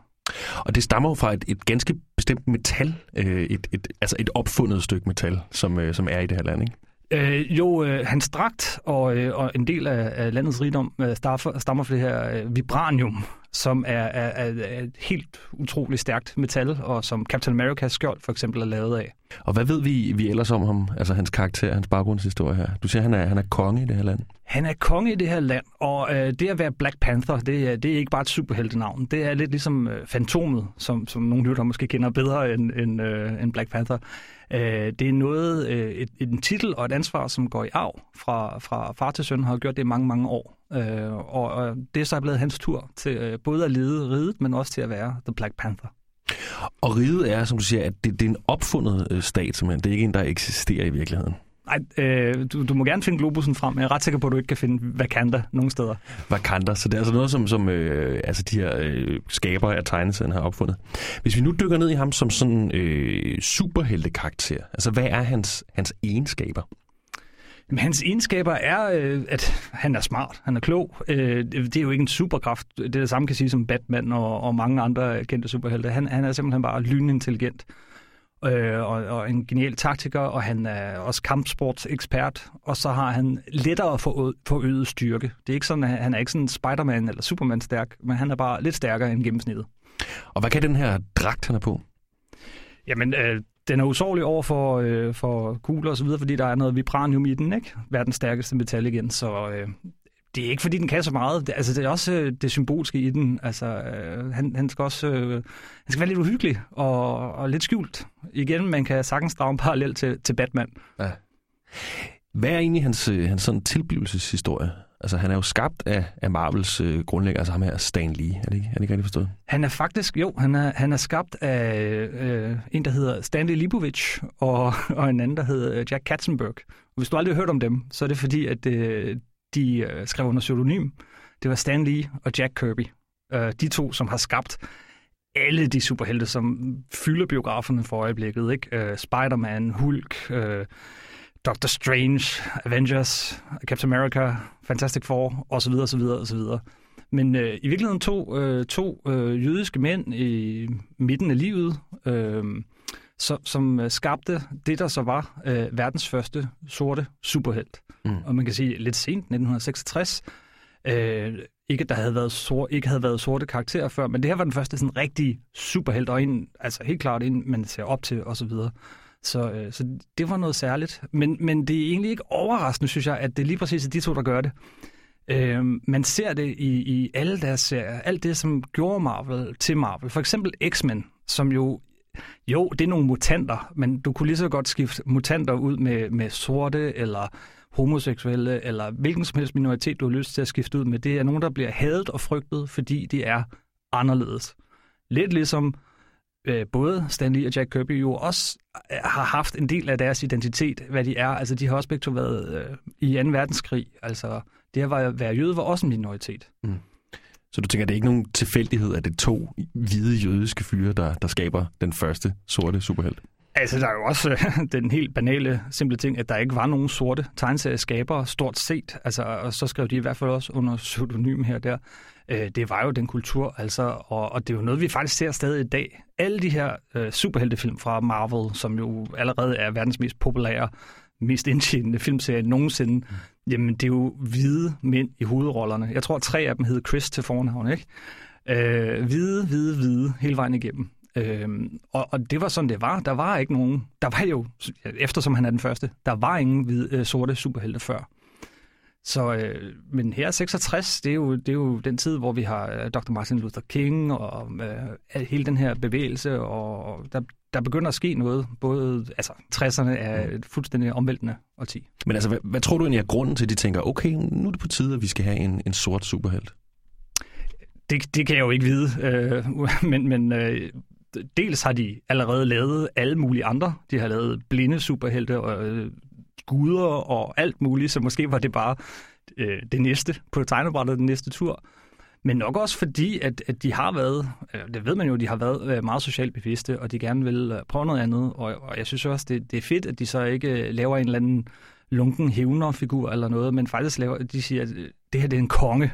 Øh, han er den bedste, og han er en af de klogeste, og han er en af de sejeste, og en af de stærkeste, og han kommer fra den mest fantastiske nation i hele verden. Så kan man jo heller ikke undgå øh, at lægge mærke til, at den hedder jo Black Panther, og der findes jo også et politisk parti, der hedder Black Panther, ikke? Ja. Øh, har, har det noget med hinanden at gøre? Ja, øh, altså det er jo det store mysterium, men altså... Øh, da Black Panther optræder i tegneserien 1966, det sker nogle få måneder, to eller tre måneder før, at, at det her revolutionære øh, socialistiske, den her gruppe, den opstår, som kalder sig for The Black Panthers. Om de så har taget navnet fra tegneserien eller ej, det, det står lidt hen i det uvisse, Det er der ikke rigtig nogen, der rigtig ved. Det kan også være, at de har taget navnet samme sted fra, som øh, jeg forestiller mig, at, øh, at øh, Stanley og Jack Kirby har gjort, nemlig fra øh, en bataljon fra 2. verdenskrig, med, der hed The Black Panthers altså, som simpelthen bestod af, af afroamerikanere. Mm. Men det fik den konsekvens i tegneserierne, at øh, de simpelthen øh, i, i en periode kaldte ham for Black Leopard, øh, men det lød jo ikke så godt, så han vendte snart tilbage til Black Panther. Hvordan er Black Panthers øh, udvikling i, i Marvel-universet her? Bliver han ved med at være den her konge? Bliver er han god? Er han ond? Altså, hvordan er hans øh, gestaltning ligesom i det her univers? Det sjove er, at tegneserien faktisk ikke er særlig øh, fantastisk særlig lang tid ad gangen. Der har været nogle, nogle enkelte øh, højdepunkter her og der. Det første er selvfølgelig øh, introduktionen øh, i Fantastic Four, og den første serie, han, han, han får lavet hvor et parentes bemærket, øh, den anden sådan, serie om ham, den hedder Black Panther vs. The Clan, altså mod Ku Klux Klan. Øh, så, øh, men det, det er ikke sådan fantastisk. Så der går, vi skal helt op i 90'erne en gang, før vi, vi støder på noget, som jeg synes var sådan rigtig godt. For eksempel Reginald øh, uh, Hoodland, som er uh, filminstruktør og producer på Django Unchained og en masse andet, som lavede øh, nogle ganske udmærkede. Og så i dag, så er den jo skrevet af Tanishi Coates, øh, som øh, jo er kendt for, for sin blændende skriverier i alverdens tidsskrifter og bøger, øh, som det er ret unikt, at sådan en som ham øh, vælger at være forfatter på en serie som den her, men det er også, fordi den virkelig har betydet noget for ham. Ja. Og han får den til at handle om, om race og, og mange af de ting, som kan være svære for, for mig, en, en hvid heteroseksuel mand i 30'erne, at sætte mig ind i nogle af de her ting. Øh, men øh, den er mere den er blevet mere interessant, øh, skal man sige. Den er mere interessant, end den er god. Hvad mener du med det? Jamen, øh, det er jo interessant, at Tanishi, Tanishi Coates, han, han skriver uh, Black Panther, men jeg ved ikke, om jeg synes, han, han gør det helt vildt uh, spændende. Uh, det er interessant, at vi har uh, den første sorte superhelt. Det er interessant, at han har uh, den her, det her leder af det her rige i Afrika. Men det er ikke for, han er jo ikke sådan, så nem at identificere sig med, vel? Altså, der er ret langt fra, fra, fra mig til en, en konge i en afrikansk nation. Der er, der er lidt kortere til den der nørd, som klæder sig ud som Spider-Man eller nogle af de andre kendte figurer. Mm. Men det er jo selvfølgelig også fordi, at der er en anden øh, identifikation, som måske en kulturel øh, identifikationskraft for, for måske øh, de sorte øh, i USA. Altså det her med, at der er et, et land, der sådan er positivt øh, fremstillet, ikke? der ikke er koloniseret osv. Så, ikke? så der er også en, en, anden, en anden kulturel øh, tiltrækningskraft i her måske. Ja, helt klart. Jeg så et, øh, et øh, billede på Twitter, som bare fik mig til at grine. Øh, jeg ved ikke, hvem det var, men tydeligvis en, en sort fyr, som havde stået foran den her øh, biografplakat for Black Panther-filmen, hvor der er jo 10-20 karakterer på den der plakat. Og de er jo alle sammen sorte sorte. Og så skrev han i øh, kommentaren ned, ned under, Holy shit, is this what it feels like all the time when you're white? Så det er et meget godt billede på, at, øh, at altså det, i alle andre Marvel-film i hvert fald, der har det været et relativt hvidt øh, cast, ikke også? Der har været meget langt mellem, mellem de store sorte superhelte. Men han er jo ikke den første. Faktisk så er det en sort superhelt, der starter hele superhelte-bølgen øh, på, på det store lærred. Øh, det er jo faktisk Blade-filmen, hvis du kan huske dem. Men ja, ham her, de, vampyrdræberen, spillet af Wesley Snipes. Af Wesley Snipes, ja. en, en, øh, en, en sort superhelt, som kom ganske relativt få år efter øh, Black Panther i tegneserien. Og det er den, der satte gang i det hele. Den kom før X-Men-filmene og før Spider-Man-filmene øh, og kickstartede det hele. Og på tv-fronten har vi jo også øh, Luke Cage-serien fra Netflix, og nu kører der også en, der hedder Black Lightning. Du siger, at det, altså det, det er symptomatisk for, for Marvel-universet, at de også tager sig af altså sociale problemstillinger. Altså du siger, at, at race kunne være en af dem. Altså hvad har man ellers sådan beskæftiget sig med? Hvad har man taget under paraplyen i, i Marvel-universet Altså sådan sociale problemstillinger og, og ting, der foregår ude i, i samfundet? Jamen, øh, der er jo talrige eksempler, øh, og, og noget af det, der, der gjorde Marvel til Marvel, øh, frem for de, de gamle støde Superman og Batman osv. for DC, det var, at, at, at det handlede om, om livet og hverdagen. Øhm, det største og bedste eksempel er nok X-Men-serien, især da Chris Claremont øh, skrev den op igennem 70'erne og 80'erne og ind i 90'erne. Øh, det handlede om mutanter, men det, det, altså, det var en, en, en slidt metafor, og det var meget, meget tydeligt, at det jo i virkeligheden også handlede om raceforskelle. Øh, og, øh, og i nyere tid er, er det også øh, meget tydeligvis blevet brugt som øh, for andre minoriteter, altså symbol og algori over og det at være homoseksuel og det at være alverdens. Hvad kan man ellers sige om sådan øh, højdepunkter i, i Black Panthers tegneseriekarriere? Altså, du nævnte før, at der var nogle forskellige... Øh, altså det her med, at han, han ligesom starter med at, at slå øh, de fantastiske fire. Ikke? Hvad er der ellers sådan af, af højdepunkter i hans, øh, i hans superhelte liv? Øh, men der er de her enkelte serier. Øh, den, der kører nu, og, og de før nævnte. Også altså, en af Christopher Priest i 90'erne. Men sådan, egentlig så var han kørt sådan lidt ud på et sidespor indtil starten af, af 2000'erne, da han øh, blev medlem af den her hemmelige kabale, The Illuminati, hvor, øh, som øh, åbenbart altid har eksisteret. Vi havde bare aldrig hørt om det før øh, men øh, hvor han var en del af den her meget lille kabale, som bestod af de fremmeste og klogeste og, og vigtigste i hele Marvel-universet. Og der blev det jo så slået fast, at han var på lige fod lige så vigtig som professor Xavier, som... Øh, som øh, Reed Richards fra Fantastic Four eller Doctor Strange og, og nogle af de andre her. Han var altså virkelig en hovedhjørnesten i Marvel-universet og en af de vigtigste, mest indflydelsesrige øh, personer, også selvom vi ikke altid så ham i forgrunden af historierne. Og ellers, Så har der sket en masse. Han har været med i Avengers, den største gruppe af, af superhelte i Marvel-universet. Øhm, så der har han været en del af. Og så har han også været gift i en periode med Storm fra øh, X-Men, øh, som Halle Berry spillede. Øh, så øh, det er nok sådan nogenlunde højdepunkterne. Og så ellers så har der været noget borgerkrig, og han har prøvet at bevare tronen, og han har mistet den og frem og tilbage. Men er det, er det primært, altså han har haft sin egen serie, ikke? Han har haft øh, sin egen serie af flere omgange. Øh, startede Fantastic Four, fik sin egen serie, den gik så ind, så fik han en ny, og den gik ind, og sådan er det gået. Jeg tror, fem øh, gange eller deromkring har, har serien været genoplevet. Og det er meget normalt. Det samme kan siges for, for næsten alle øh, superhelte, at øh, de kører, indtil de ikke tjener nok penge, så venter de lidt, og så kommer de tilbage. Så de bliver sådan lagt på is af omgang, og så, og så ja, bliver hentet frem men igen. Se, det er så det skønne ved Marvel-universet for sådan en som mig, fordi uh, Marvel-universet er uh, jo i virkeligheden nok den største uh, fortælling, som menneskeheden nogensinde har skabt. Den største sammenhængende historie, fordi alle historierne hænger sammen, alt sammen er et, et stort univers. Så selv når uh, Black Panther ikke har sin egen serie, jamen, så dukker han måske op i et nummer af X-Men, så dukker han op i et nummer af Daredevil. En, over en periode var han Daredevil, faktisk. Øh, så, så øh, de her figurer, selvom de ikke lige har deres egen serie, så er de stadig en del af den samme kæmpe store fortælling. Mm. Jeg ved godt, det er store ord, men, men jeg kan virkelig ikke komme i tanke om andre historier, der har kørt øh, og strukket sig over så mange sider, så mange år, og, og stadig er et samlet hele. Og nu har han så fået sin, uh, sin egen film, ham her Black Panther. Den har været nogle øh, år under, under opsejling. Man har allerede kunne læse om den for et, et par år siden. Altså, tænker du, at han er en karakter, der kan bære sin egen film? Jeg er holdt helt op med at, at, at, at indgå de der vedemål, fordi øh, altså, øh, det, Marvel har overrasket gang på gang på gang. Den første film, de lavede, de havde jo solgt rettighederne til øh, altså studiet Marvel Studios og tegneserie øh, dem, der har alle de her øh, rettigheder til forskellige helte, de havde solgt rettighederne til alle de kendte, til Spider-Man, til X-Men, til, til Fantastic Four. Alt det var solgt, og det eneste, de havde tilbage, var ham her Iron Man, som ingen havde hørt om, stort set kun sådan nogen som mig. Øh, og så hyrede de en falderet skuespiller, øh, som vist havde været i fængsel nogle gange og havde nogle problemer med stoffer, som hed Robert Downey Jr., og lige pludselig så laver de bare et gigantisk hit. Og sådan er de bare fortsat. Film efter film efter film. Jeg troede, film, jeg troede den der film, den ville knirke. Altså, de ville ikke fortsætte succesen, da de først begyndte at skulle lave Thor. Tænkte, der er der ingen, der gider at se en film om Thor. Jo, det var der. Der var rigtig mange, der gad at se en film om Thor. Også en Thor og en træer. Og da Guardians of the Galaxy blev annonceret, så tænkte jeg også, hold da kæft, hvad tænker de på? Kæmpe hit. Og Black Panther, øh, den har allerede i forsolgt solgt 120 millioner. Øh, den har øh, super dygtige folk bag, bag sig, både foran og bag kameraet. Øh, så det, det, det, det handler om, er at finde det rigtige tæk.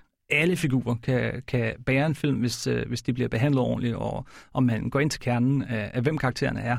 For der er jo en grund til, at figurer, nogle af de her figurer, øh, har holdt ved i 50 år. Det der, der er skabt tonsvis af figurer, som vi aldrig hører om. Men dem, der har holdt ved så længe, som for eksempel Black Panther, mm. det er fordi, der er et eller andet øh, essentielt, et eller andet dybt, øh, genkendeligt, dybt... Øh, altså et eller andet eviggyldigt ved, ved selve myten. Og, og kan man gribe fat der, så kan man også lave en god film, eller en god tegneserie, eller en god bog, eller hvad som helst.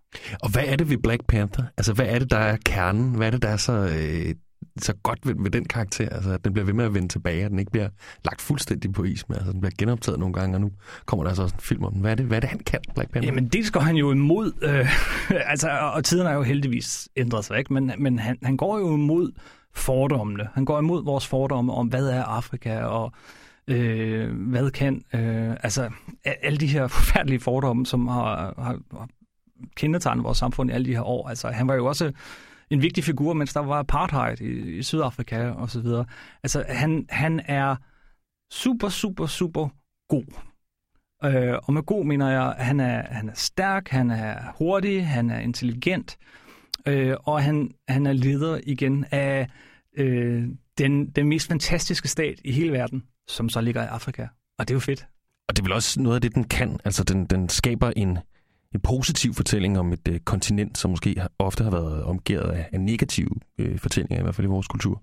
Det er i hvert fald det, den gør. Om, om det har været så bevidst, det ved jeg ikke, fordi det, man skal også huske, det, det er Jack Kirby, der laver hans verden. Og Jack Kirby, han kan ikke lade være at gøre tingene fuldstændig øh, helt øh, vildt futuristiske. Da han, han tager øh, vores øh, nordiske gud, Thor, som vi jo alle sammen ved er rødhåret og har en lille hammer med et lille skaft og alle de her ting, jamen så bliver han en, en, en sådan fremtidsagtig øh, mand igen fra sådan en, en by øh, i himlen, som vi ikke kan forestille os. I virkeligheden har de ikke, er de ikke guder. Øh, de har bare øh, tilstrækkeligt avanceret teknologi til, at vi, betra- øh, vi, vi betragter dem som guder. Mm.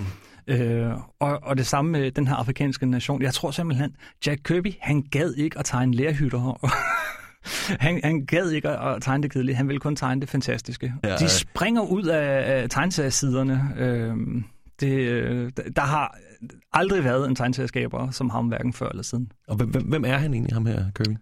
Jamen, øh, du, det, det er sådan lidt det ærgerlige, at, at de fleste kender navnet Stan Lee. Men Stan Lee, han var forfatter eller medforfatter på, øh, på rigtig mange af de her figurer, som, altså, han kan jo nærmest kun sammenlignes med Disney med antallet af figurer, han har lagt navn til.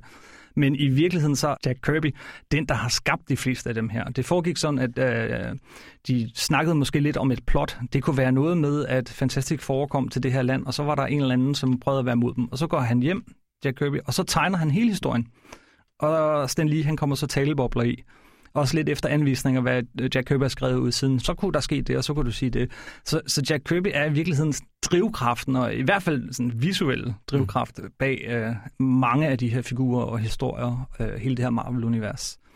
Øhm, og egentlig, altså en, han var jo på det her tidspunkt, hvor han slog igennem med Fantastic Four og, øh, og hele Marvel-universet, der har han været øh, på den anden side af, af 40, hvis ikke på den anden side af 50, øh, en, en sådan tæt siddende mand med en cigar i munden, som er vokset op i, øh, i den, den værste slum øh, under depressionen og har været øh, øh med ved, øh, jeg tror måske han var med ved Normandiet, altså en rigtig mand.